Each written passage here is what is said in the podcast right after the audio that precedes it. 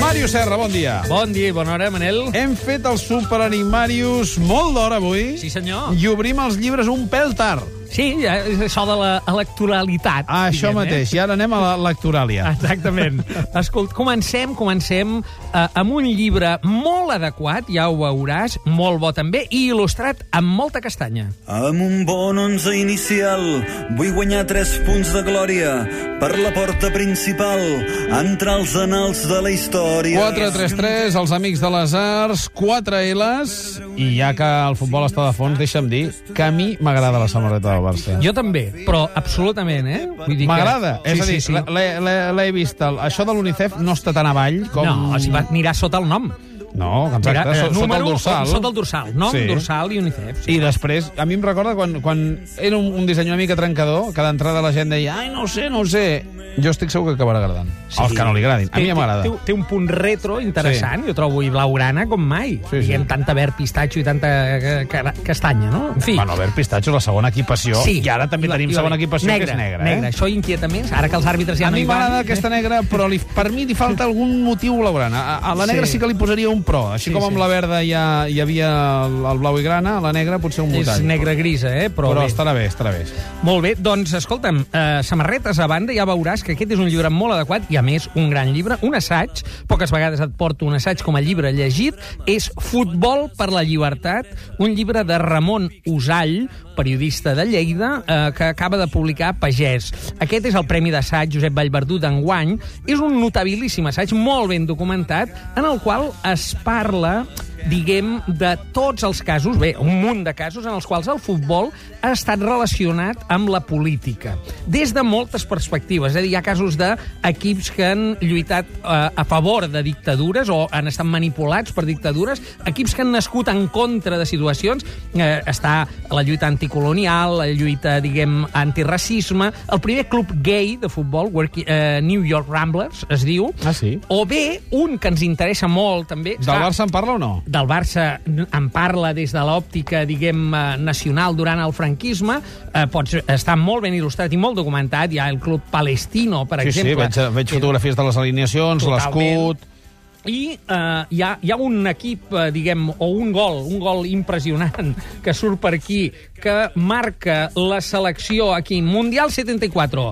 La URSS es nega a jugar amb Xile, el partit de tornada, i per tant, després de 0-0, i perquè invoca contra Pinochet, no? Hem de el dir que Covil Xile 10 juguen mil·ligrams sols. patrocina els punts de llibre de Màrius Serra. Mm, Sí, en fi. Uh, bé, això dels mil·ligrams és perquè, eh, diguem, és, és un- d'una farmacèutica, amiga meva, Ah, sí? eh? No, sí, Ah, que me'l regala, diguem. Molt bé, molt sí, bé. sí, sí. Molt bé, doncs aquest punt eh, dels mil·ligrams és perquè els xilens van jugar sols.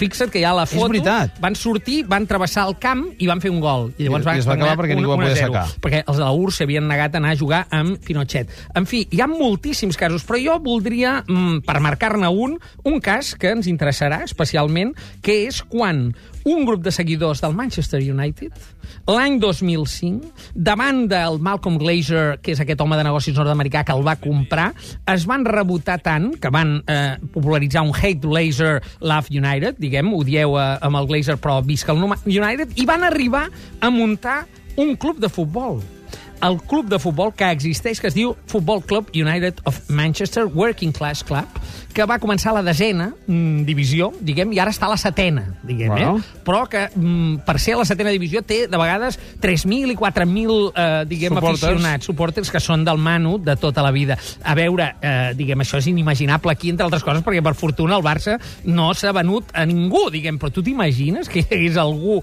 en algun club espanyol, eh, diguem, que digués, ara en muntem un altre perquè anem en contra d'aquest eh, senyor que ens ha vingut a comprar, uh -huh. mm, és una mica insòlid. En definitiva, aquí hem tocat re, tres exemples, però és un assaig documentadíssim que convé a tothom, enderroca molts prejudicis d'aquella gent que diu ui, el futbol és l'opi del poble, tal, ho fan per distreure's, és un circ. Aquí està en la línia del rugby en el mans del Mandela, diguem, el futbol ha tingut moltíssima, moltíssima repercussió i la té encara eh, socialment i, per tant, una dimensió política. Futbol per la llibertat, un assaig documentadíssim de Ramon Usall a Pagès Editors. Anem al rellegit, però abans repassem els mots clau. Sí, aquí tenim futbol, política, llibertat, història i el factor humà, aquest llibre del John Carlin sobre el partit de rugby Mandela. per posar uh, un, un referent. L'adagio del Binoni, de Tommaso Albinoni, ens porta a parlar de Jorge Luis Borges i he de posar-hi 5 queles. Sí, senyor, avui el rellegit és molt literari, eh, eh, diguem, és boccato di cardinale. Eh, tenim la sort que periòdicament es van reeditant les obres dels clàssics. Aquí tenim una edició compacta que Lumen treu dels contes. Cuentos completos de Jorge Luis Borges. És eh, una enèsima reedició, evidentment, però està molt bé, potser per a un lector jove que hi vulgui entrar, trobar els contes doncs, de Història Universal de la Infàmia, de Ficciones, de l'Alef, del Libro de Arena... Eh, hi ha uns contes inoblidables, és un dels grans autors del segle XX, però jo, per no... De, en fi, Pierre Menard, autor del Quijote, Funes el Memorio, Sotlón, l'enciclopèdia, però jo avui a més, aprofitant doncs, que el llibre d'abans també ens ha portat a una actualitat molt propera al Manchester, també en voldria destacar un i eh, recomanar la lectura d'un conte extraordinari que es diu Emma Zuns, en el qual hi ha una noia que eh, utilitza el seu cos i utilitza un, eh, un afer sexual d'una manera molt interessant per perpetrar una venjança contra un poderós que va, eh, diguem, fer-li mal, que va matar son pare, en definitiva. Eh, la pregunta que jo em faig és, deu haver llegit mai Dominique Strauss-Kahn aquest conte, Emma Zuns? Si no ho ha fet, és un molt bon moment per endinsar-s'hi. Jorge Luis Borges, com tots els clàssics, sempre està d'actualitat. Mots clau? Literatura, imaginació, erudició, plaer, Borges, no cal dir res més. Com un ganivet que talla tot un dia enter en trossets. El San Josex eh, ens porta temps o rellotge, Sí, senyor, temps o rellotge per il·lustrar que veritat... també és un títol molt burgià. Eh, Totalment, totalment. Eh, I, I un dels grans temes, eh? com s'escola la sorra, com passa el temps, si va endavant o enrere. Jo l'he triat perquè em consta que el company d'aquesta casa, que és l'autor del llibre que ara recomanarem, li agrada molt Sant Josex i, a més a més, el seu llibre es diu Veritat o Mentida. És de l'Adolf Bertran, Beltran, eh, això ho ha dit a Proteus, i recull 24 converses que van sorgir d'una secció homònima que es deia Veritat o Mentida, eh, sobre filosofia en aquest programa, al matí de Catalunya Ràdio, de fa unes quantes temporades. A veure, el plantejament era i és eh, aquí eh, partir d'un aforisme, com per exemple, ningú és profeta a la seva terra, no? I parlar-ne, doncs, en aquest cas, amb el Quim Monzó i conversar a partir d'aquí sobre si això és veritat o mentida, o que, en fi, quin percentatge té de cada cosa, o bé, un optimista és un pessimista ben informat. Deu ser al revés, no? Amb el Salvador. En aquest cas, eh, diguem, era subvertir, eh?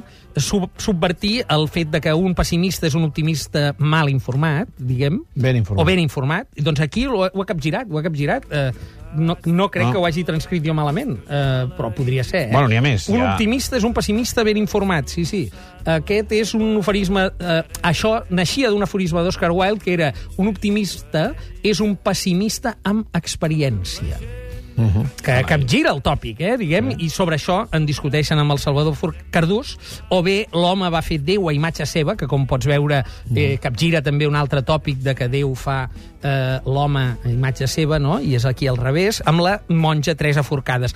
En definitiva, aquí ja 24 converses, jo n'he fullejat i n'he llegit unes quantes, mm, desprèn el flaire, diguem, d'aquelles grans preguntes de sobretaula que no et porten enlloc, però que justifiquen el fet d'especular i de la filosofia, i el millor que es pot dir és que anys eh, després d'anys d'haver nascut des de la immediatesa de la ràdio, el Veritat o Mentida aguanta, justifica una bona lectura, justifica aquest llibre que edita l'editorial Proteus. Doncs felicitem a l'Adolf i t'emplacem a tu a la setmana entrant. Sí, senyor. Que vagi molt bé. El postelectoralisme, ja, Oh! eh?